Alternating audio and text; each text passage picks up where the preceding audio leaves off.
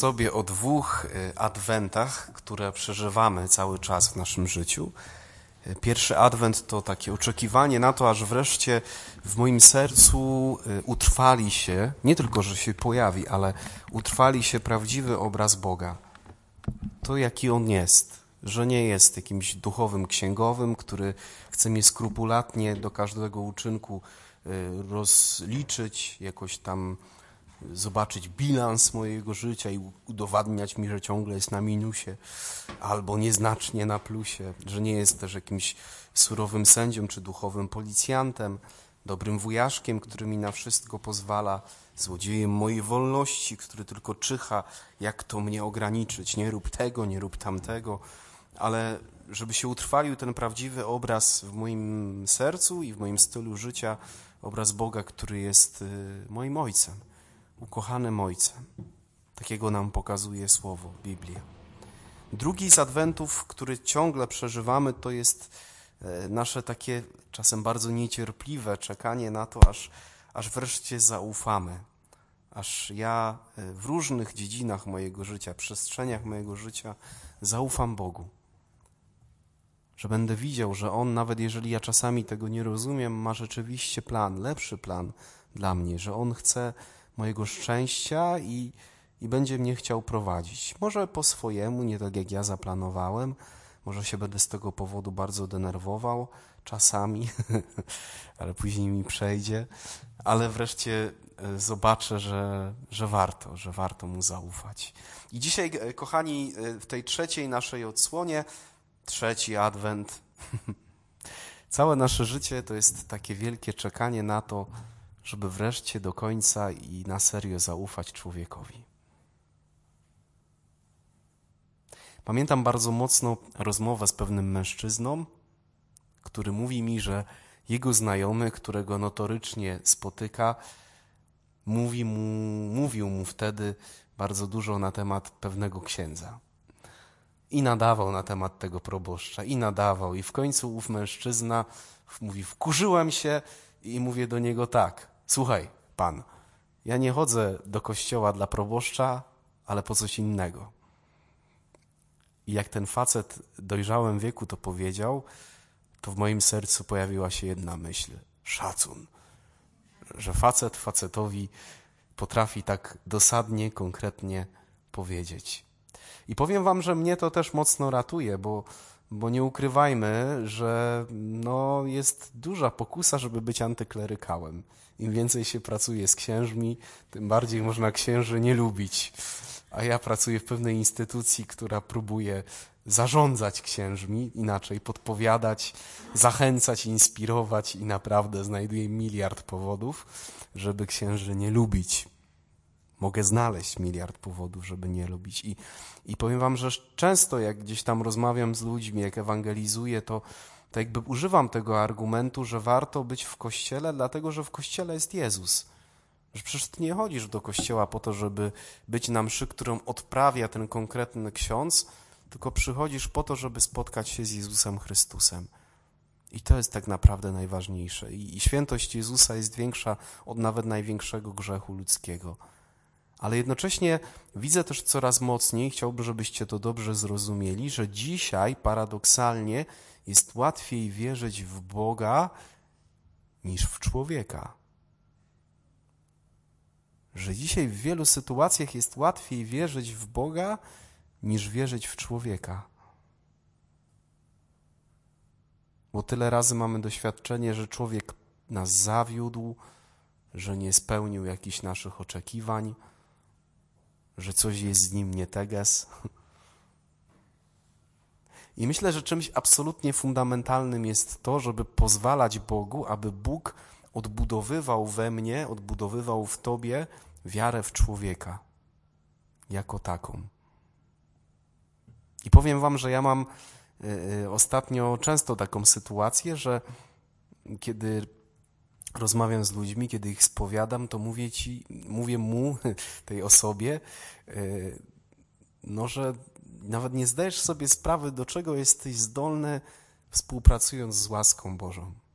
I myślę, kochani, poza tymi wszystkimi pięknymi podstawami, które, e, które gdzieś tam są, że Jezus oddał życie za każdego, nawet za tego, który nas najbardziej wkurza, kogo nie rozumiemy, kogo nie akceptujemy, z kim nie mamy ochoty gadać i tak dalej, i tak dalej. To, to jest absolutnie porywające, że dopóki ktoś żyje tutaj na ziemi, to ciągle ma szansę na to, żeby spotkać Boga i z pomocą Jego łaski robić rzeczy, które się w ogóle nie dają jakkolwiek zmierzyć, policzyć. I o tym było też w dzisiejszej Ewangelii i, i troszeczkę w tym kazaniu, które słyszeliście. To jest niesamowite, jak Bóg wierzy, Bóg jako pierwszy wierzy w tego człowieka, który nas tak wkurza albo z którym my sobie nie umiemy poradzić. I chciałem Wam powiedzieć takie dwa obrazy. Oczywiście one są bardzo niedoskonałe. Możecie się zbulwersować, możecie z nimi polemizować w sercu, ale mnie bardzo inspirują. Twoje serce jest jak rynna.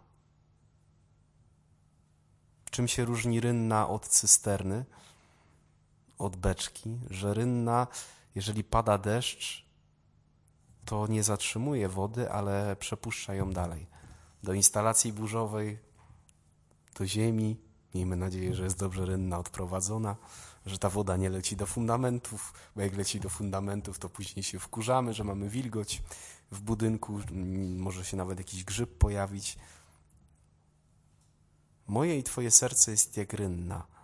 To znaczy, że jeżeli pada do Twojego serca deszcz łaski, to możesz ten deszcz łaski przez swoje serce przepuścić. On może przez Ciebie przepłynąć dalej. No dzisiaj mamy taką pokusę, żeby kumulować, koncentrować. Panie, więcej, więcej, my chcemy więcej Ciebie, nie? Boże, więcej Ciebie chcę. Dzisiaj śpiewaliśmy, wczoraj też była Boża, Boże Twa łaska, nie? Że jakoś coś takiego, no. Tymczasem, jeżeli doświadczasz tego, że Bóg Tobie ufa, jeżeli doświadczasz zaufania ze strony Pana Boga, to możesz tym zaufaniem dzielić się dalej. I to nie jest już jakby tylko Twoje zaufanie, a to jest zaufanie ze strony Boga. Więc pierwszy obraz to jest obraz rynny. Drugi obraz wahadło starego stojącego zegara. Jeżeli zegar działa, to w jaki sposób się zachowuje to wahadło? Wychyla się raz w jedną, raz w drugą. Raz w jedną, raz w drugą stronę. I dobrze wiemy, że kiedy byśmy otworzyli te drzwiczki tego, tego zegara i włożyli rękę, żeby to wahadło nie wychyliło się do końca w jedną stronę, przepraszam, byłem z fizyki kiepski, ale użyję teraz, udam mądrego, to wtedy energia kinetyczna wahadła znacznie zmaleje i istnieje realne zagrożenie, że to wahadło nie wychyli się do końca w drugą stronę, a nawet może zupełnie się zatrzymać. I tak samo jest z Twoim sercem. Wychyla się w stronę Pana Boga i w stronę człowieka. W stronę Pana Boga i w stronę człowieka. Kto mi nie wierzy, zapraszam pierwszy list świętego Jana. Tam jest bardzo jasno napisane: Nie możesz kochać Boga, którego nie widzisz, jeżeli nie kochasz człowieka, którego widzisz. Oczywiście ten obraz jest już bardzo taki, ktoś powie księdza, a co ze wcieleniem? Co w tym człowieku nie ma? E, bo ten obraz trochę sugeruje, że po jednej stronie jest Bóg, a po drugiej człowiek, a przecież e, Boże Narodzenie, sensem Bożego Narodzenia jest to, że no, słowo zamieszkało między nami, w relacjach, w człowieku. W każdym, proszę księdza, mieszka Pan Bóg. Co tu ksiądz gada, że takie wahadło i wychylanie w jedną, w drugą stronę, ale to jest piękna jakby teologia i to, w co możemy wierzyć ale ja teraz mówię o naszym doświadczeniu i przecież jeżeli mamy problem i żyjemy w adwencie zaufania wobec człowieka, czekamy na to, żeby temu człowiekowi zaufać, to nam też trudno zobaczyć Jezusa w tym człowieku, któremu, któremu nie umiemy zaufać. Jednemu, drugiemu, trzeciemu, dziesiątemu, pięćdziesiątemu. I dlatego to wahadło i to wychylenie w jedną i w drugą stronę. I tutaj bardzo mocno, kochani, y, z tym wiąże się, właśnie z tą energią kinetyczną w cudzysłowie, wiąże się temat oczekiwań. Myślę, że bardzo wiele problemów e, związanych z zaufaniem drugiemu człowiekowi wynika z tego, że my mamy niespełnione oczekiwania ze strony naszego życia duchowego. Inaczej, jeżeli się kiepsko modlisz, to możesz swoje oczekiwania które może wypełnić tylko Bóg, przenieść nieświadomie na drugiego człowieka. I teraz masz chłopaka i oczekujesz od niego uwagi, zainteresowania, cierpliwości, której on nie może ci dać. A ty nie masz zgody w sobie na jego słabość. On musi być lepszy. I powiem wam, że dla mnie to było absolutnie uzdrawiające zdanie, które usłyszałem z jakieś 4,5 roku temu. Największe cierpienie jest związane ze światem ludzkich oczekiwań. Największe cierpienie jest związane ze światem ludzkich oczekiwań. I często nasz problem z zaufaniem właśnie rodzi się z tego, że, że te oczekiwania tak bolą. One mogłyby boleć mniej, jeżeli miałbyś świadomość tego, o czym też mówiliśmy troszeczkę pierwszego dnia, że Twój korzeń naprawdę jest w Bogu. Jeżeli byś walczył świadomie o to, żeby przeżywać swoją relację z Bogiem, swoją modlitwę osobistą, taki, jako taki moment, że przychodzisz do kogoś, przy kim możesz po pierwsze poczuć się bezpiecznie, po drugie do kogoś, kto ma wobec ciebie olbrzymią cierpliwość, czułość, miłość. I to jest absolutna podstawa. Bo wiecie, pomodlę się na zasadzie spełnienia e, obowiązku, żeby uspokoić swoje sumienie, to jest za mało. Bo ja skończę się modlić, będę nienakarmiony i pójdę w stronę człowieka i nieświadomie mój głód będzie próbował się nasycić właśnie w relacji z tym człowiekiem. I będą się rodzić często znowu nieświadomie oczekiwania i to będzie boleć.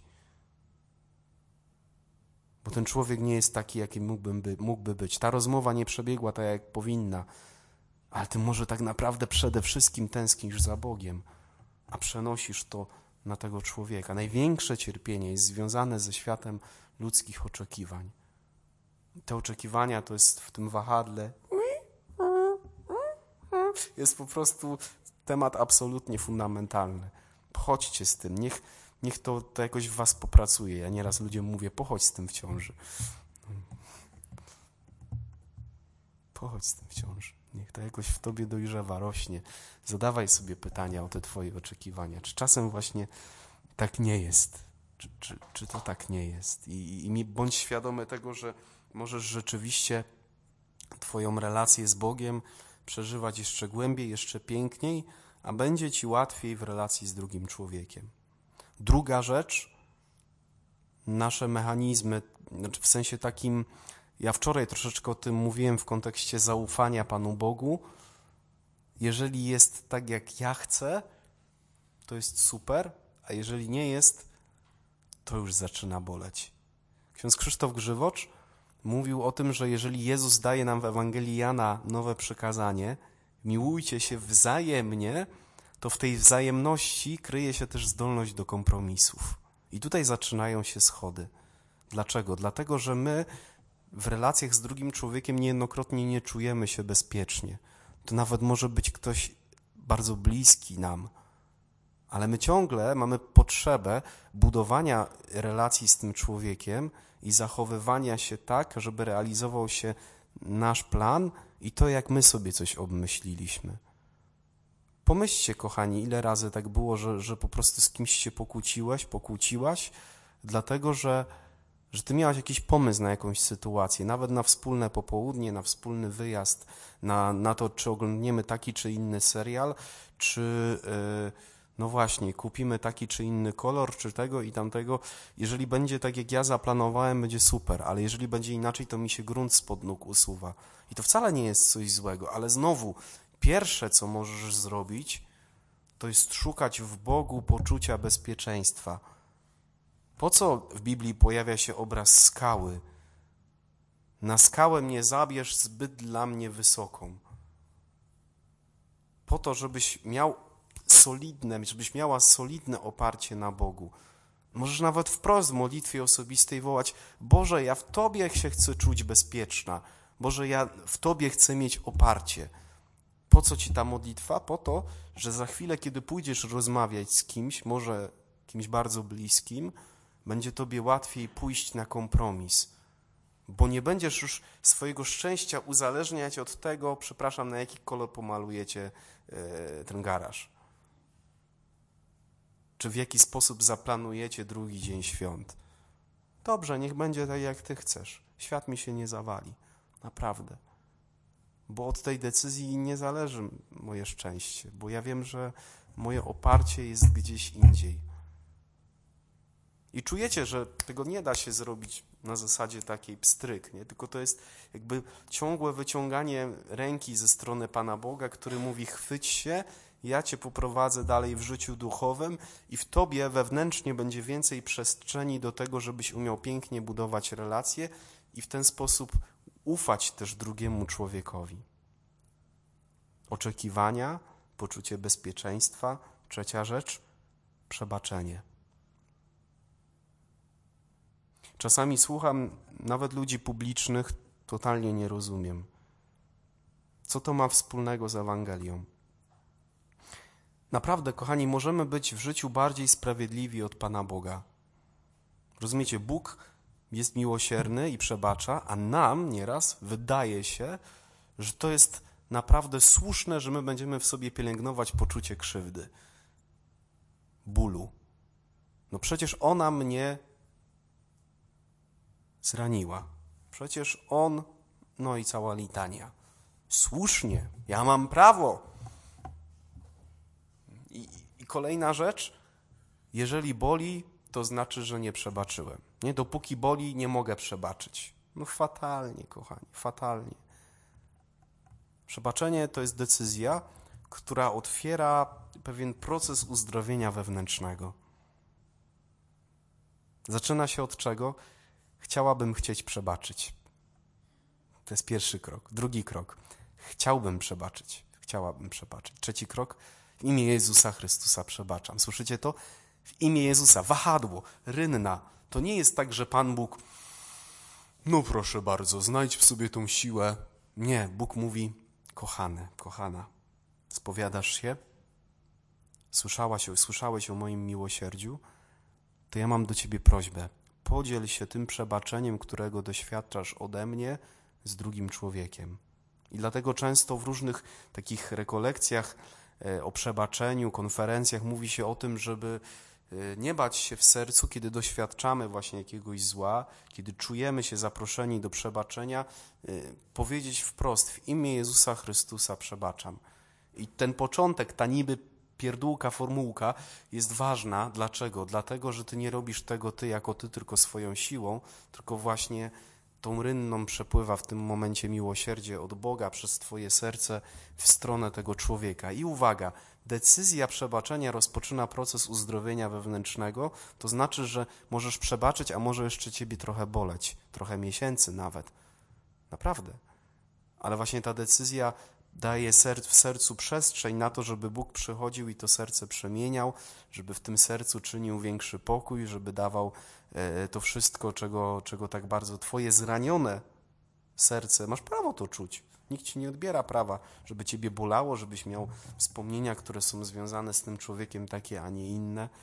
Ale bardzo ważne jest, kochani, żeby, żeby odkrywać właśnie to, że, że tą mocą, której my doświadczamy od drugiego człowieka, My jest, od Pana Boga możemy drugiemu człowiekowi naprawdę w imię Jezusa Chrystusa przebaczać. No wiadomo, jeżeli ja y, y, mam kilka osób, którym nie przebaczyłem w życiu, to ja będę miał bardzo pod górkę, jeśli chodzi o zaufanie.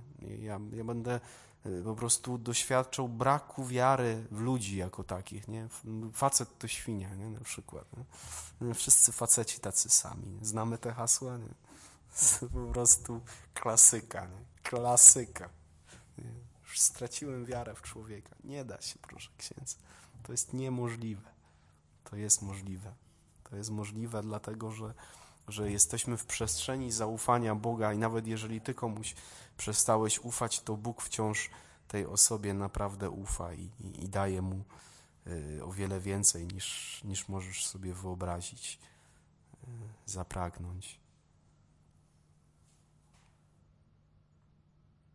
Kończąc, kochani, chcę Wam powiedzieć, że jestem głęboko przekonany, że zaufanie daje rozwój i wzrost. Że jeżeli marzycie o tym, żeby kiedyś założyć rodzinę, to tak naprawdę głębokie zaufanie pozwoli waszym żonom, mężom, waszym dzieciom się rozwijać. Oczywiście nie można być w tym naiwnym, nie, nie można mylić yy, zaufania z naiwnością w takim znaczeniu, że, że trzeba pewne rzeczy przewidywać, prosić Ducha Świętego o dar roztropności ale myślę, że nie ma większej y, radości w małżeństwie niż żona, która naprawdę głęboko ufa swojemu mężowi i mąż, który głęboko ufa swojej żonie. Ja za każdym razem się cieszę właśnie jak w takich tematach damsko-męskich jedno z małżonków mówi, wie ksiądz, ale moja żona mi ufa w tym. Nie? Ja myślę, chwała Panu, że ona nie jest na przykład chorobliwie zazdrosna o tego męża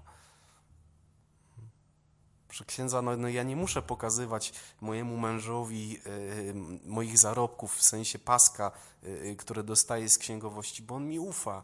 On mi ufa, że jak ja mu mówię, że mam tyle zarobków, to rzeczywiście tyle, tyle mam. No, no i, i, to są takie sytuacje niby drobne, ale one budują coś, coś wielkiego, coś, coś pięknego i powiem wam, że ja mimo tego, że miałem poczucie pewnym momencie mojego rozwoju, że moi rodzice mi nie pozwalają na wiele rzeczy, które moi koledzy mogli robić, mm, a ja nie mogłem, to jednak koniec końców, y, podsumowując mój, moje dojrzewanie, widzę naprawdę wielkie zaufanie ze strony moich rodziców. To troszeczkę było na zasadzie takiej, no jak się sparzysz, to będziesz ponosił tego konsekwencje. No my cię przed wszystkim nie uchronimy, ale ale ufamy Tobie, ufamy, że, że, że sobie poradzisz, że, że, że nawet jeżeli się zgubisz, to będziesz wiedział, jak wrócić. I powiem Wam, że to jest, no, to, to jest coś bardzo cennego, co, co gdzieś niosę w sobie i też życzę Wam tego, żebyście w tym adwencie dorastania do zaufania coraz bardziej też wiedzieli, że, że zaufanie jest naprawdę cenne. I niektórzy powtarzają taki slogan – Zaufanie jest dobre, kontrola jeszcze lepsza.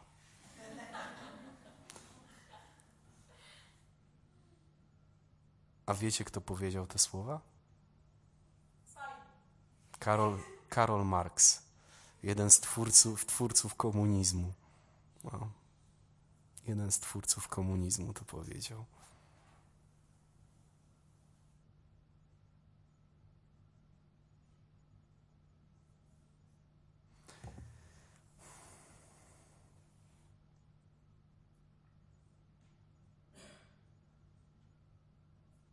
Panie Jezu, nas coraz głębiej, abyśmy w naszych życiowych adwentach byli pełni pogody, nadziei i radości. Pozwalaj nam, Panie, coraz bardziej dojrzewać do tego, aby przyjmować Twój prawdziwy obraz. Pozwalaj nam, Panie, coraz bardziej dojrzewać do tego, abyśmy potrafili Tobie zaufać, do końca, na 100%, we wszystkim, także w tym, co dzisiaj wydaje się dla nas górą nie do przeskoczenia. I dawaj nam też, Panie, dużo wewnętrznej siły, abyśmy odzyskali wiarę w człowieka, abyśmy ufali tym, których stawiasz na naszej drodze, szczególnie naszym bliskim, na którym nam szczególnie zależy, bo Ty żyjesz i królujesz na wieki wieków. I na koniec e, jeszcze mała reklama. Na Facebooku jest taki profil Mateuszowe, tam czasami y, coś mapet gada do rzeczy albo i nie, ale można tam kliknąć lubię to i, i sobie czasami popatrzeć. Dziękuję Wam bardzo.